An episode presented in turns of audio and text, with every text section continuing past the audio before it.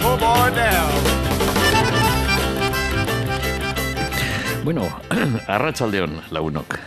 Hemen gabiz, beste aste batean gure zuen soinugela honetan. Eta bueno, hain bi edo hiru aste komentatu gendun moduan aurretik gaur eh, berreskuratuko genuela ba, pasaden urtean hasi ginen eh, saio, gure soinugelaren saio eh, eremu bat.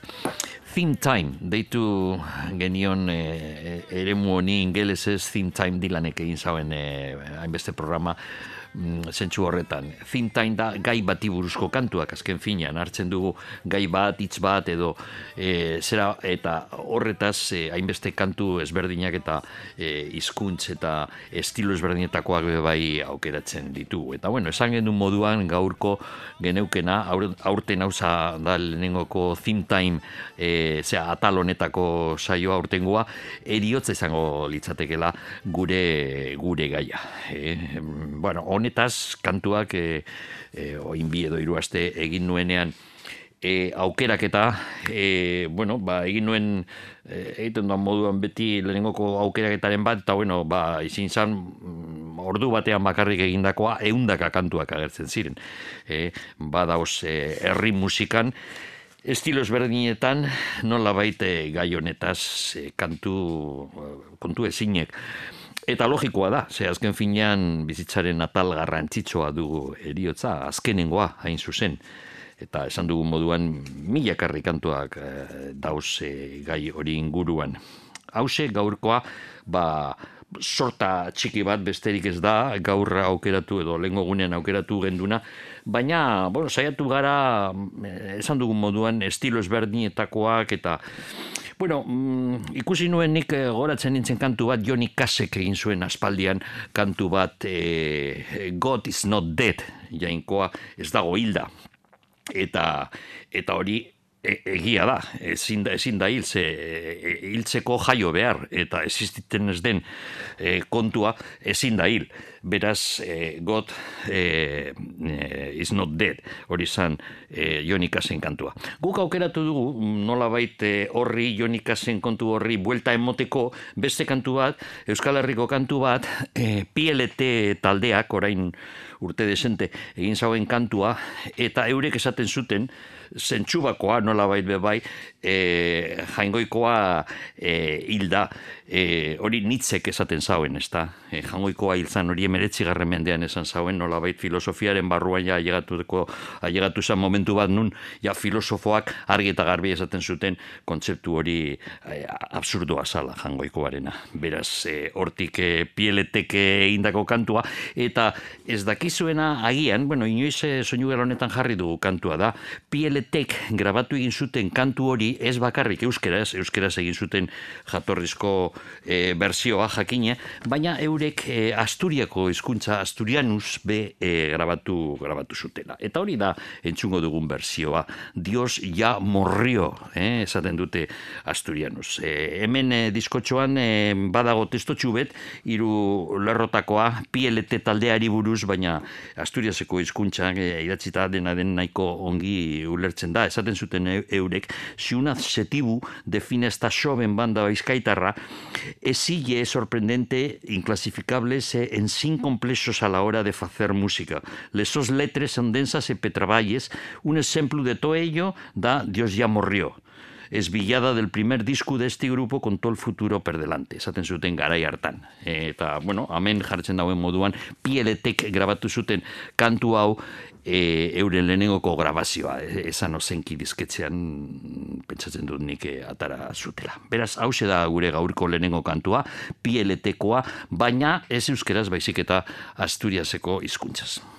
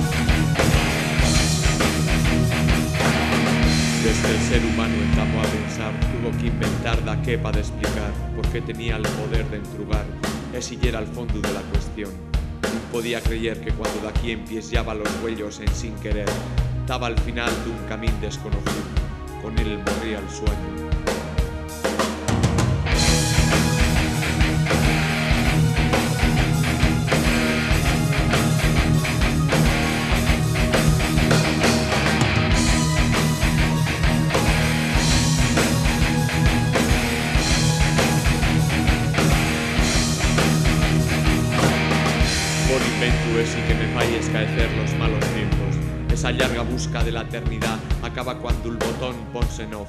Educaronnos en bashu ese huello, imponiendo el patrón del bien y del mal. Pero cuando el botón ponse en off, ni bono ni malo. Dios ya murió. Dios ya murió. Dios ya murió. Dios ya murió. Dios, Dios ya murió. Dios ya murió. Dios ya murió. Dios ya murió. Dios, Dios ya murió.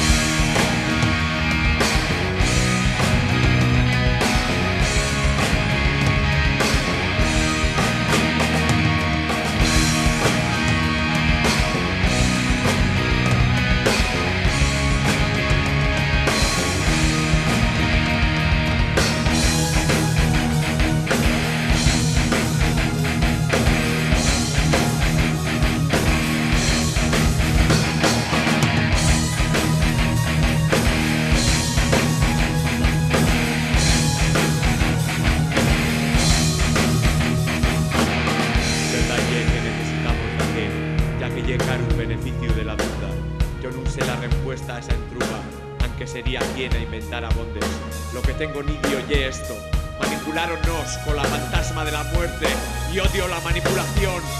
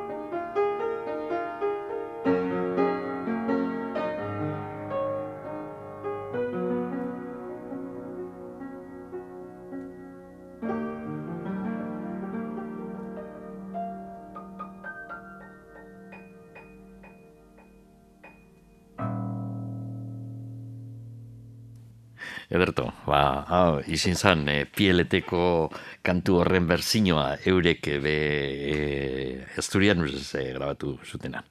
Bueno, gure gaurko bigarren kantua, dead edo eriotzari buruzkoa, Curtis Mayfield e, soul kantariak egin zuen aspaldian, mila bedatzen eta irurogeita amabian.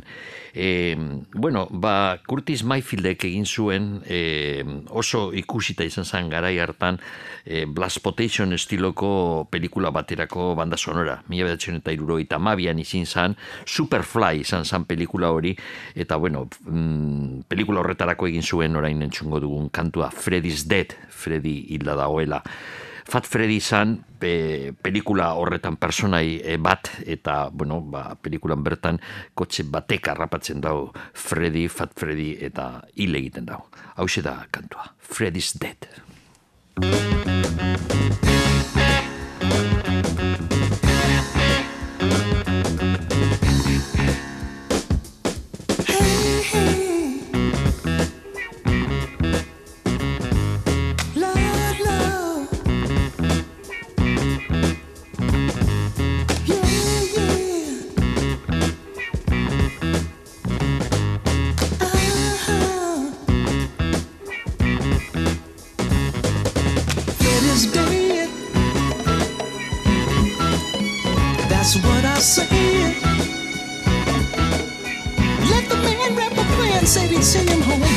His hope was a rope, and he should have known. It's hard to understand. There was love in this man. I'm sure all would agree that his misery was this woman and things. Now Fred is dead. That's what I said.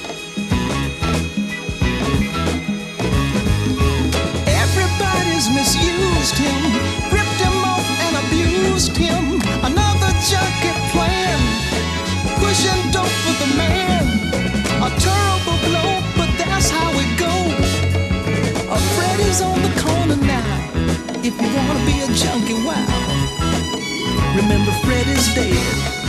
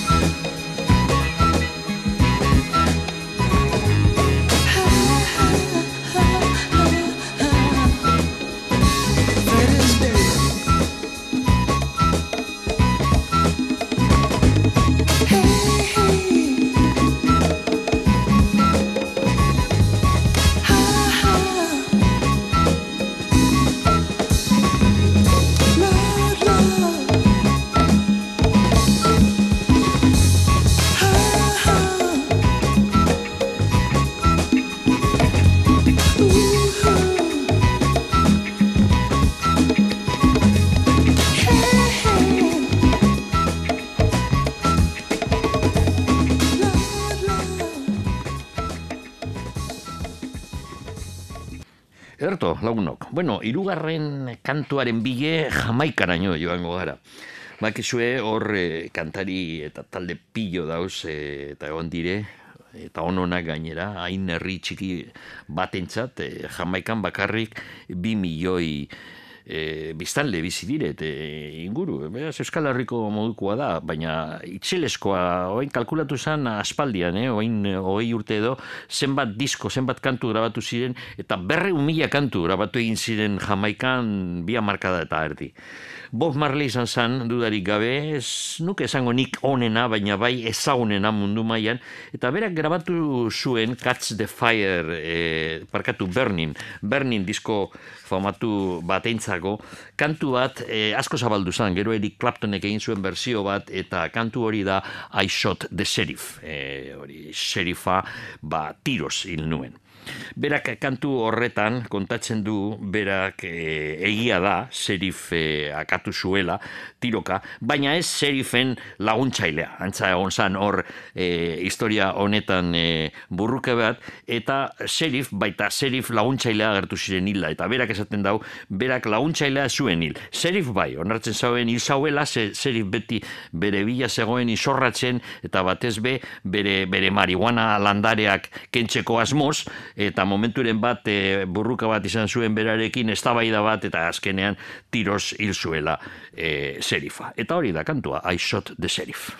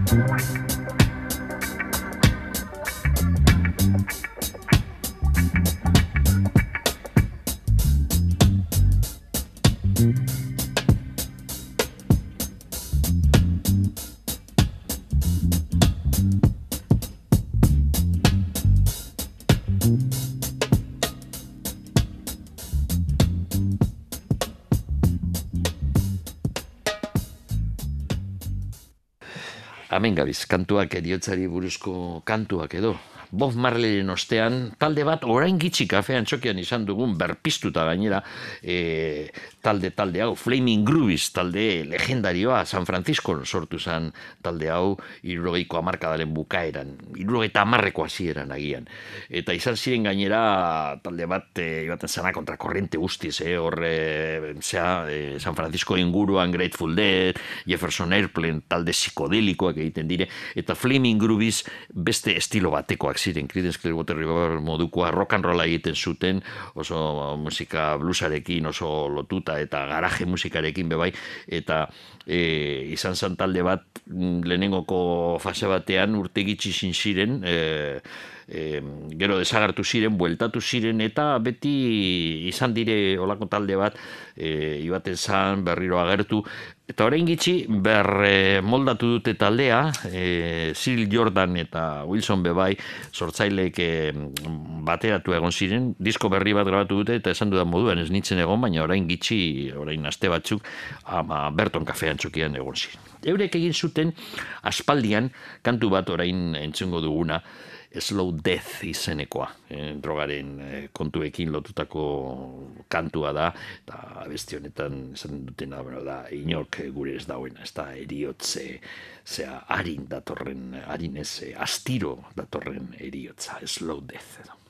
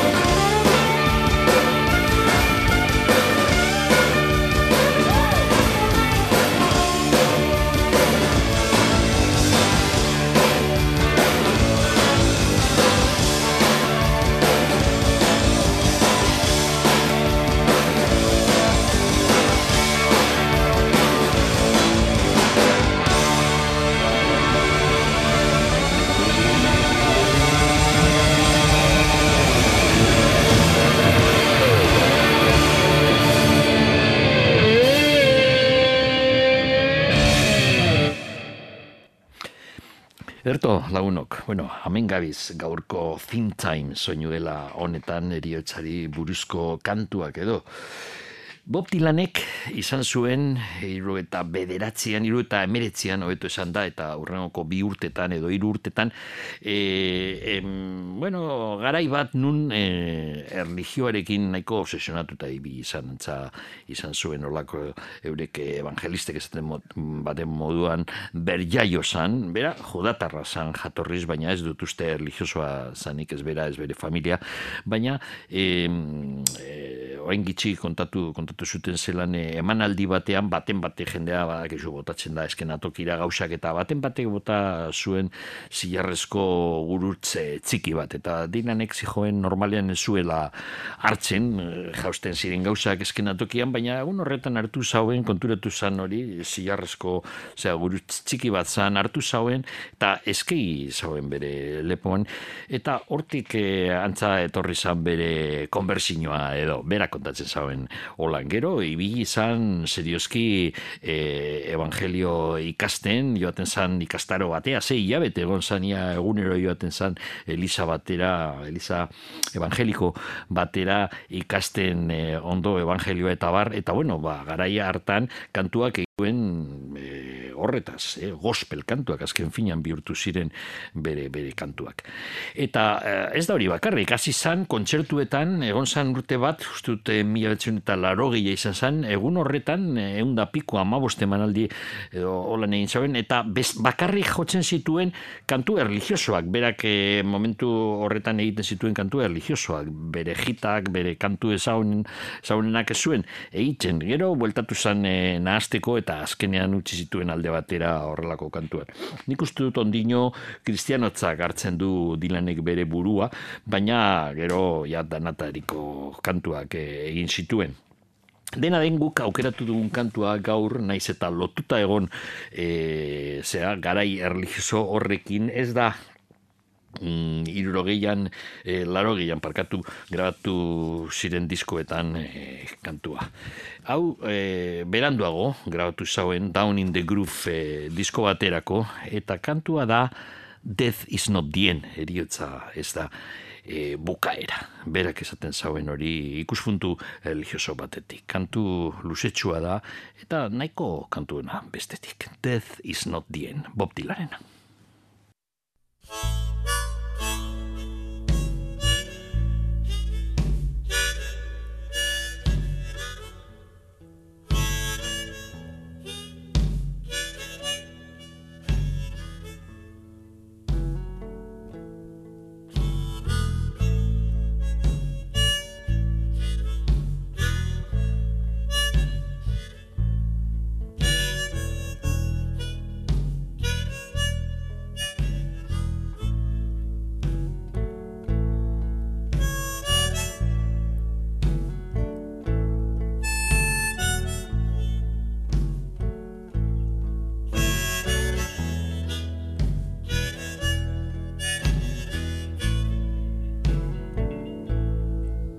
you're sad.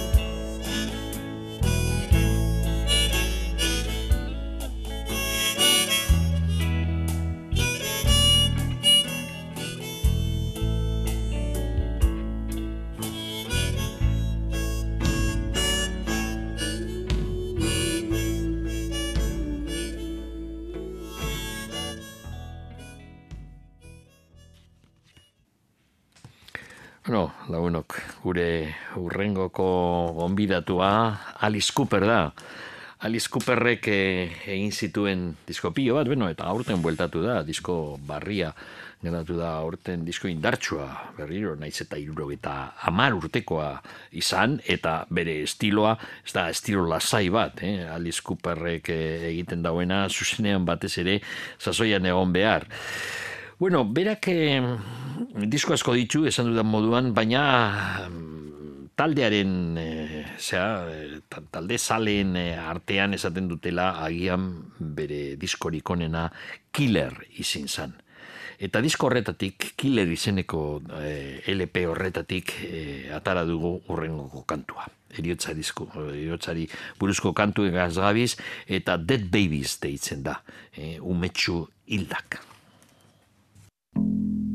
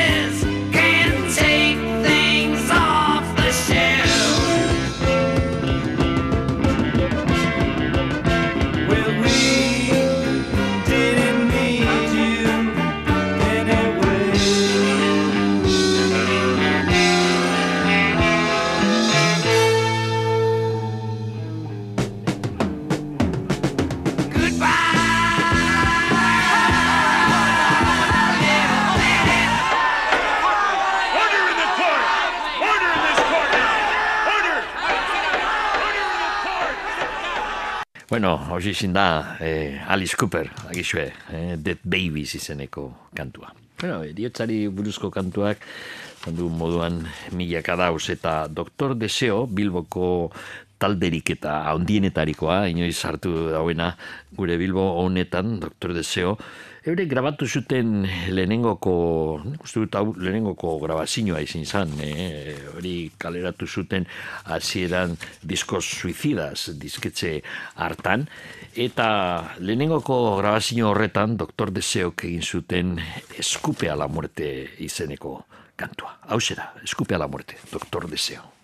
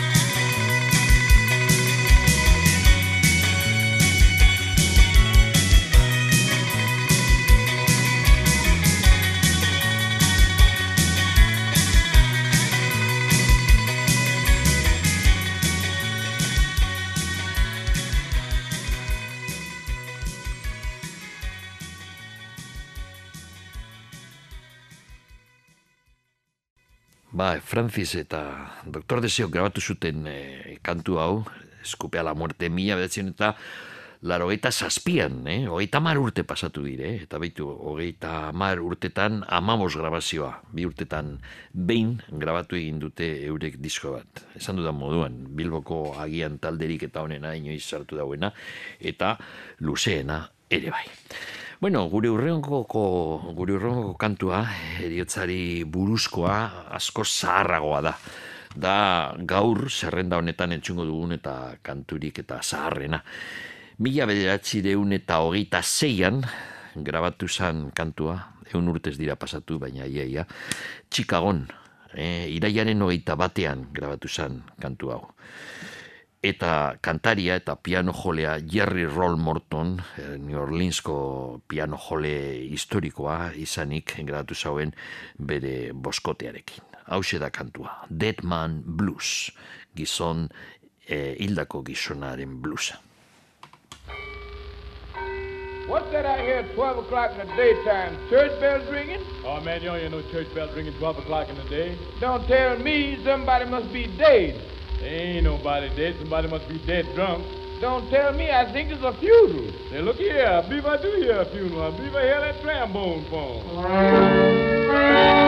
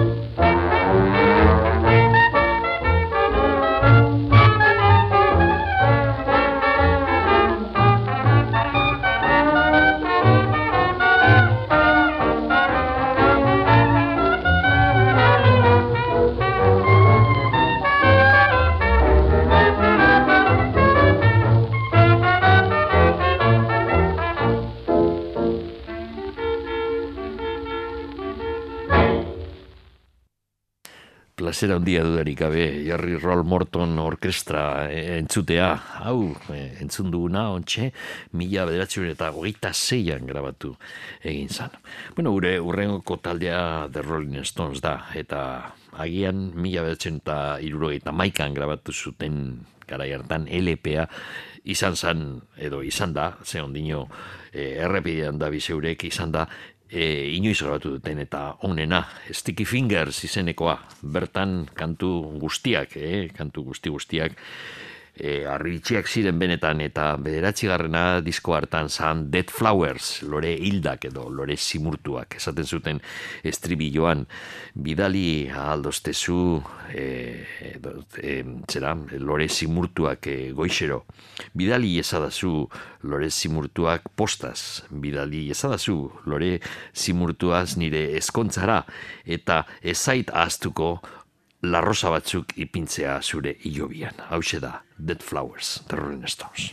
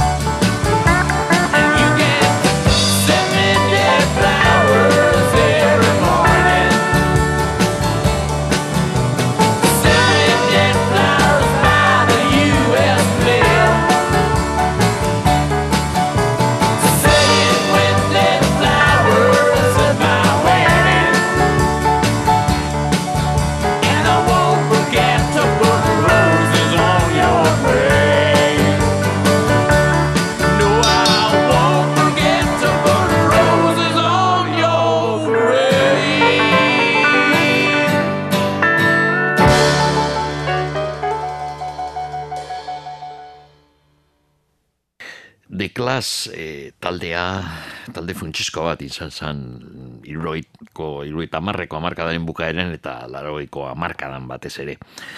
Donostira etorri zirenean mila betzen eta laroian agian izin, izin zan. E, eh, sandinista zera vinilo irukoitza grabatu zutenean. Hortik eta apur bat beranduago, agian urrengoko urtean izango litzateke, mila eta laro eta batian. Baina e, aurreko diskoa, London Colin izenekoa hori izin agian agian deklas taldearen ibilbidean diskorik eta garrantzitsuena, ba, hainbeste kantu hemen egon zirenak, e, estilo ezberdinazko, eta bueno, oso, oso eraginkorra izin zan London Colin disko hori. Eta disko horretan zegoen orain entzungo dugun kantua, eriotza edota gloria, death or glory izenekoa. Hau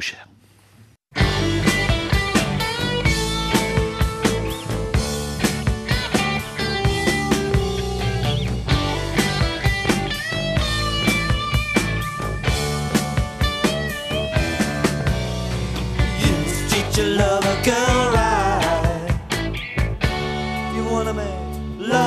rob. You must know a place you can kiss. To make lovers rob. Everybody knows it's a crying shame.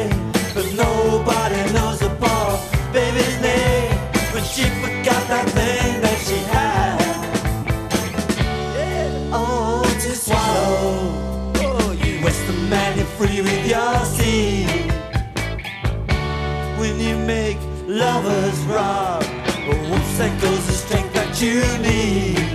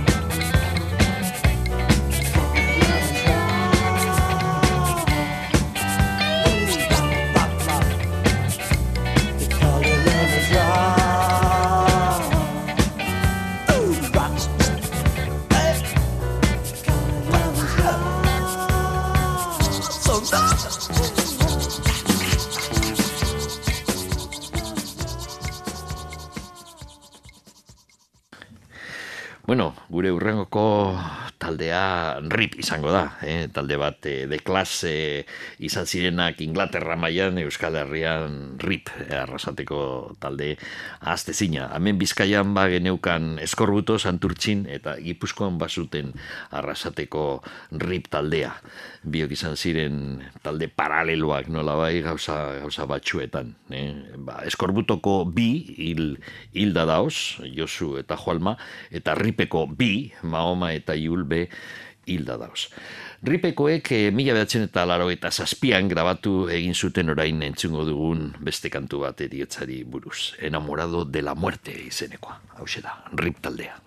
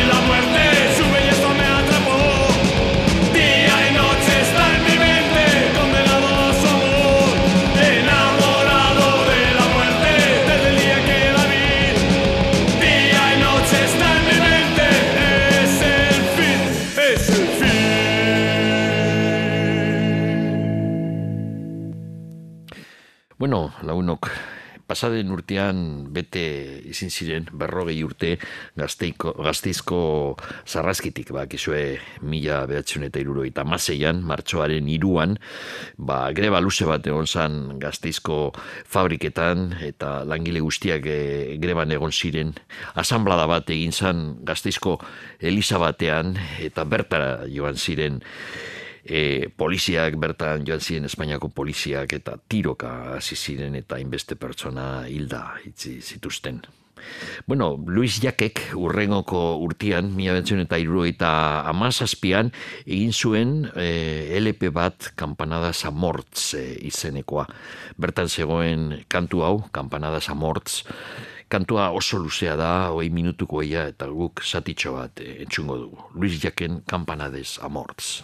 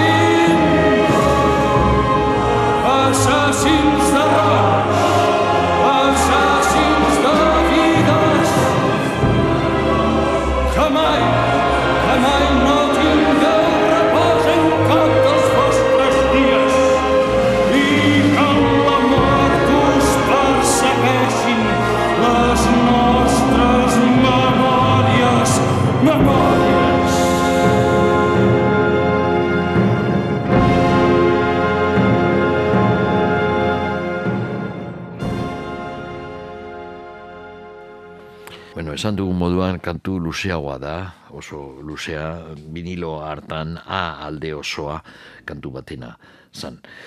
Guk eh, joango gara aurrengoko kantuarekin, orain eh, Warren Zevon ekarri dugu Kaliforniako kantautorea hil zan. Mila bederatzen eta laro eta maikan berak egin zuen kantu bat Things to do in Denver when you are dead. Eta, bueno, kantu honetan e, kontatzen zana, ba, gauzak, Denverren gauzak egiteko hilda zaudenean, oinarrituta zan kantuaren historia, Bruce Springsteenen kantu batean agertzen zan personai batean, e, Jimmy the Saint izenekoa. Gero, ba, kantu hau, Warren Zivonen kantu hau, Things to do in Denver when you are dead, izan zan aitzakia pelikula bat izen berekoa ba, eiteko, eta pelikula horretan agertzen zan jakina protagonista lez kantuarena. Beraz, eh, mafiarekin lotutako kantua daukagu, Things to do in Denver when you are dead, Warren Zivonen kantua, mila betzen eta laro eta maikakoa.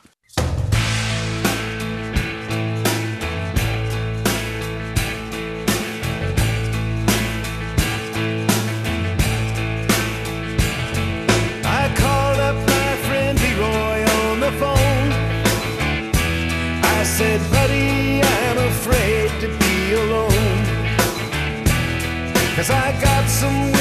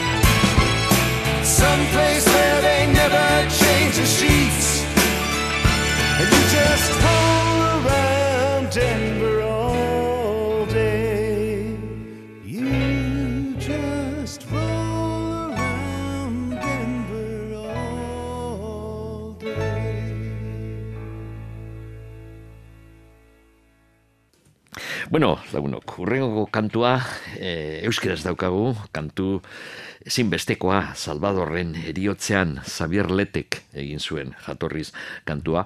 Berzio ezberdina dauz, e, irratio programa honetan e, aurrekoan entzun gendun e, zea petxik e, egindako berzioa. Hauze iparraldeko Pierre Paul Berzaitzek egin zuen orain urte batzuk oso bertzio sendoa eta kantu ezin hobea Salvadorren eriotzean.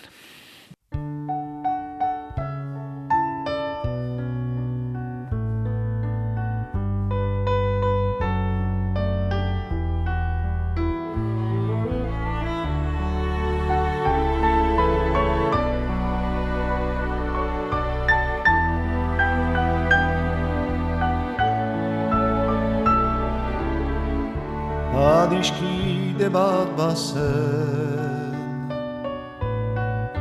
Orotan bihotz bera. Poesiaren egoek Sentimentuzko bertsoek Antzaldatzen zutena. Klasetako kantari bakardadez josia Itzen lioa iruten, ere barnean irauten Oinaz ez ikasia, ikasia. Nunago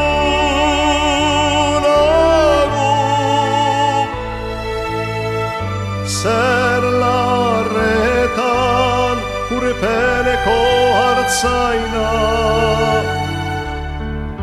Mendie galetan gora Oroitzapen den gerora Iesetan joan intzana.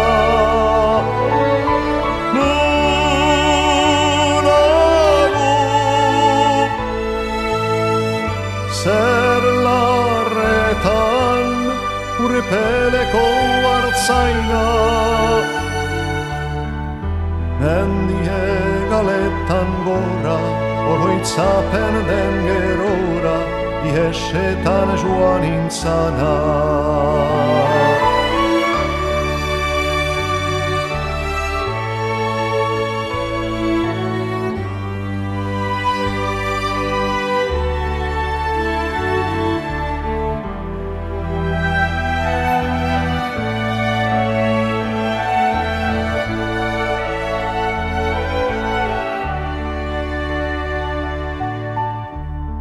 Esia urraturik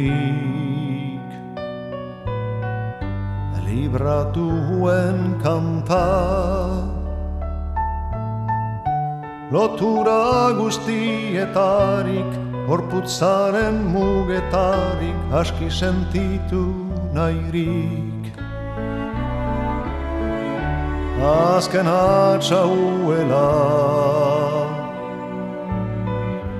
bertsorik sakonena? Nehoiz esan ezin diren estalitako egien Oiurik bortitzena, bortitzena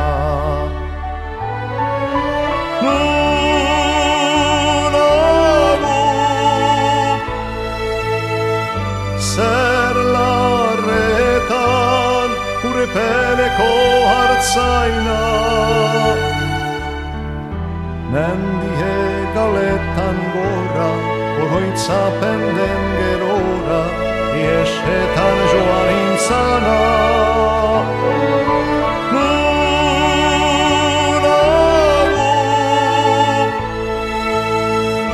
Zer larretan urpeleko hartzaina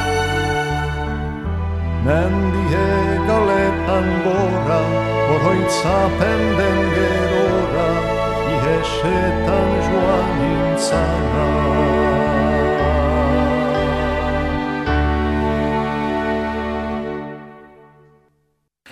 Bueno, urrengo kantua Richard Thompsonek egin zuen, mila behatzen eta laro bian egin zuen kantu hau. Wall of Death, e, zera, eriotzaren pareta, eriotzaren norma, izin zan kantu bat egin zauena, oso disko beltze eh, batian Richard Thompsonen arazoak urte hartan izan zan, bere eh, e, bikotea izan zauen burruke, banandu egin ziren eta horretaz egin zuen LP oso bat, nahiko ilune eta bertan zegoen kantu hau, Wall of Death, Richard Richard Thompsonek beste alde batetik esan behar duguna da Richard Thompsonek inoiz egin dauen da kanturik eta honetarikoa Wall of Death.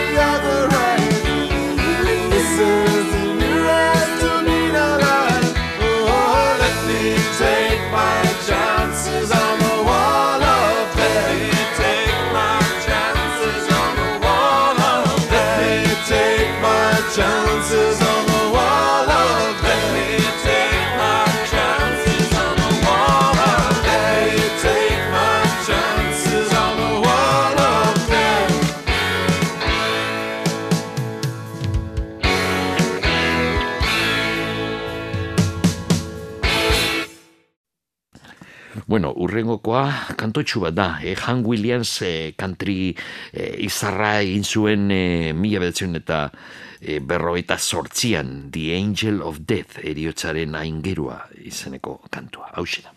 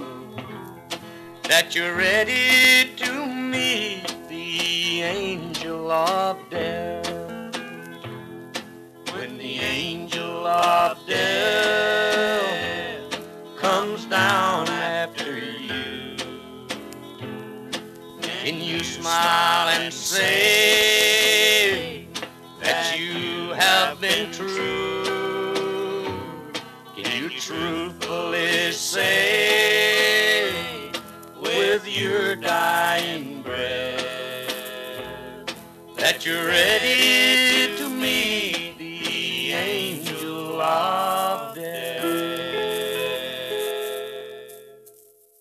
Bueno, urrengo kantua, beitu, ba, pentsatuta neukan hasieran David Bowieren eh, kantu, kantu bat eh, egitea. Eh, we, are, we are the dead izenekoa, gu gara hilak. Baina, azkenengoa, azkenean eh, aldatu egin dugu kantua, Ibon Burgeak, gure, Ibon Burgoa, gure teknikariak, esan zigun lengo egunean. Ei, pine behar duzu lo que, lo que hacemos en la sombra pelikularen kantu bat. Lo que hacemos en la sombra izin zan 2000 eta malako pelikula bat, australiakoa, vampiro pelikula bat oso divertigarria. Eta pelikula horretan agertzen zan orain entzungo dugun kantua. Norma Tanega, Kaliforniako kantari veterano bat grabatu egin zuen You Are Dead hilda zaude izeneko kantua. Hauxe da, pelikula e, ikustekoa da benetan, eta kantua hauxe.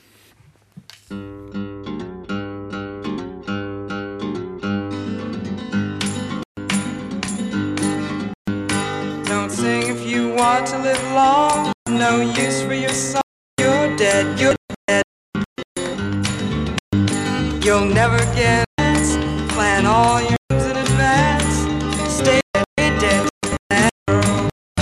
Stand in the sun. You're down. You're down.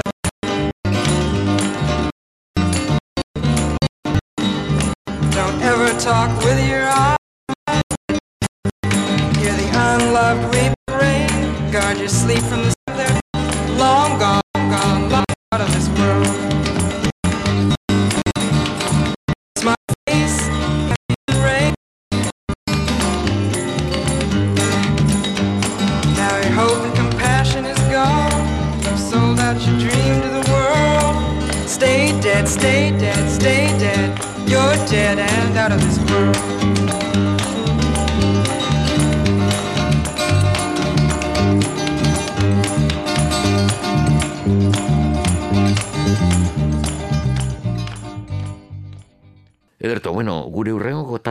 The Velvet Underground talde benetan e, garrantzitsua, iruroiko amarkada hartan, kriston eragina izan dauena, hainbeste munduetan eta esparroetan, eta eurek egin zuten e, kantu bat Black Angels Death Song, beraz, e, aingeru baltzaren e, eriotzaren kantua. Hause izin zan jatorrizko kantu bat, eta gero batu egin ziren The Velvet Underground jatorrizko taldekideak, bueno, niko izan ezik, baina Lurri, John Cale, Maureen Tucker eta Sterling Morrison batu egin ziren mila behatzen eta laro eta mairuan eta Parisen, Parisko Olimpia antzokian egin zuten hiru kontzertu, eh, kainaren amabost, amasei eta amazazpian, eta bertan grabatu zen orain entxugo, entxugo dugun berzinoa. Hau da, The Black, Black Angels Death Song.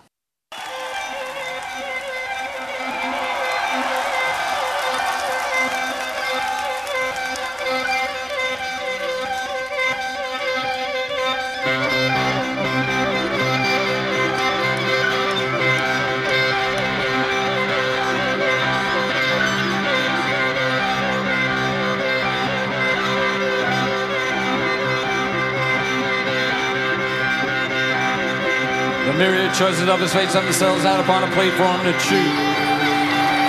What had he to lose?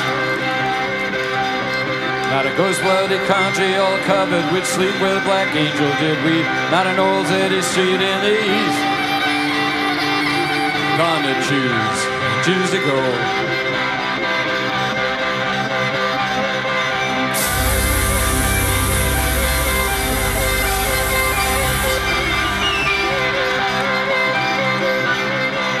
Wandering's brother walked on through the dawn with his hair in his face, long and long split to cut from a knife. From Chi-Chi.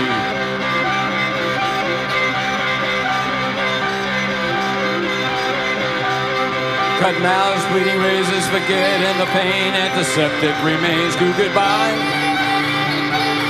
So you fly to the cozy brown snow of the east. Choose to go, choose to choose.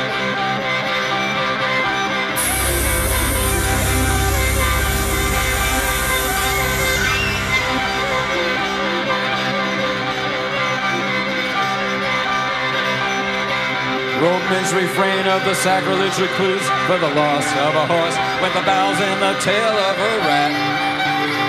Oh, oh, oh, oh choose to go.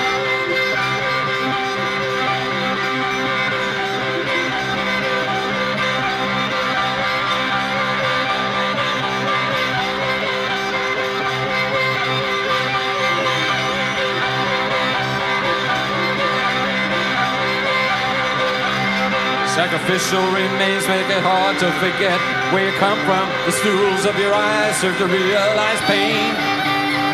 Choose to go.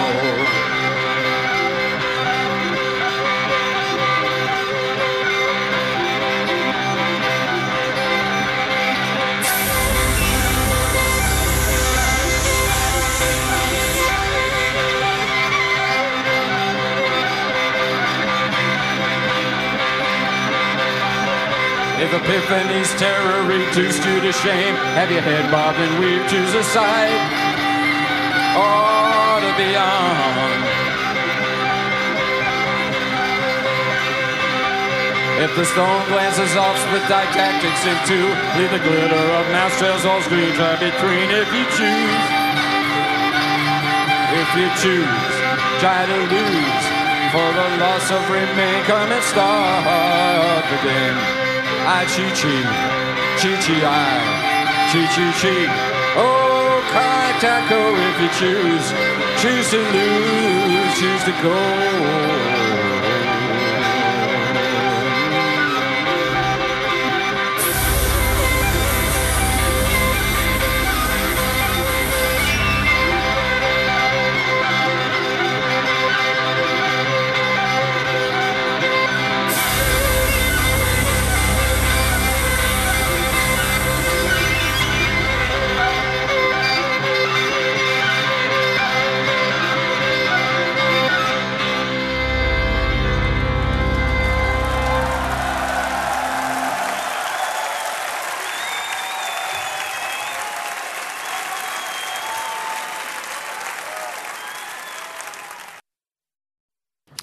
Ederto, bueno, eriotzari buruzko kantuek azgabiz, ondino falta zkigu kantu pare bat, eh, gaurko programarako, eh? The Kings taldea, taldea ondi bat Inglaterrako talderik eta garrantzitsuenetarikoa, irurogeikoa markada hartan, eurek mila behatzen eta irurogeita zazpian, Something Else izeneko eleperako egin zuten orain entzungo dugun kantua, payaso baten eriotza, Death of a Clown.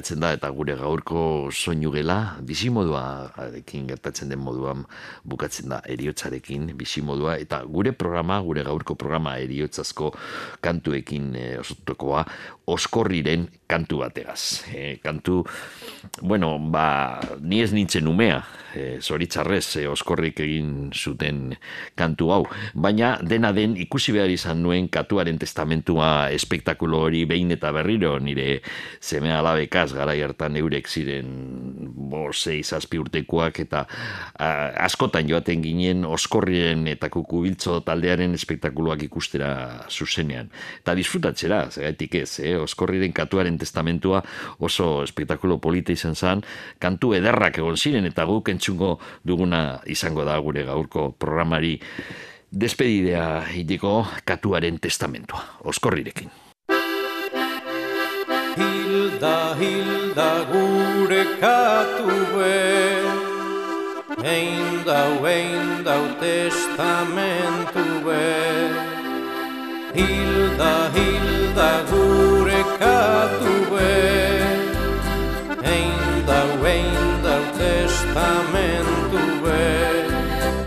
amantzako, amantzako, hainkak eta buru be.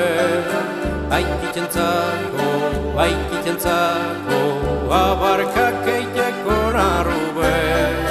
Mantxo nintzako, mantxo nintzako, tri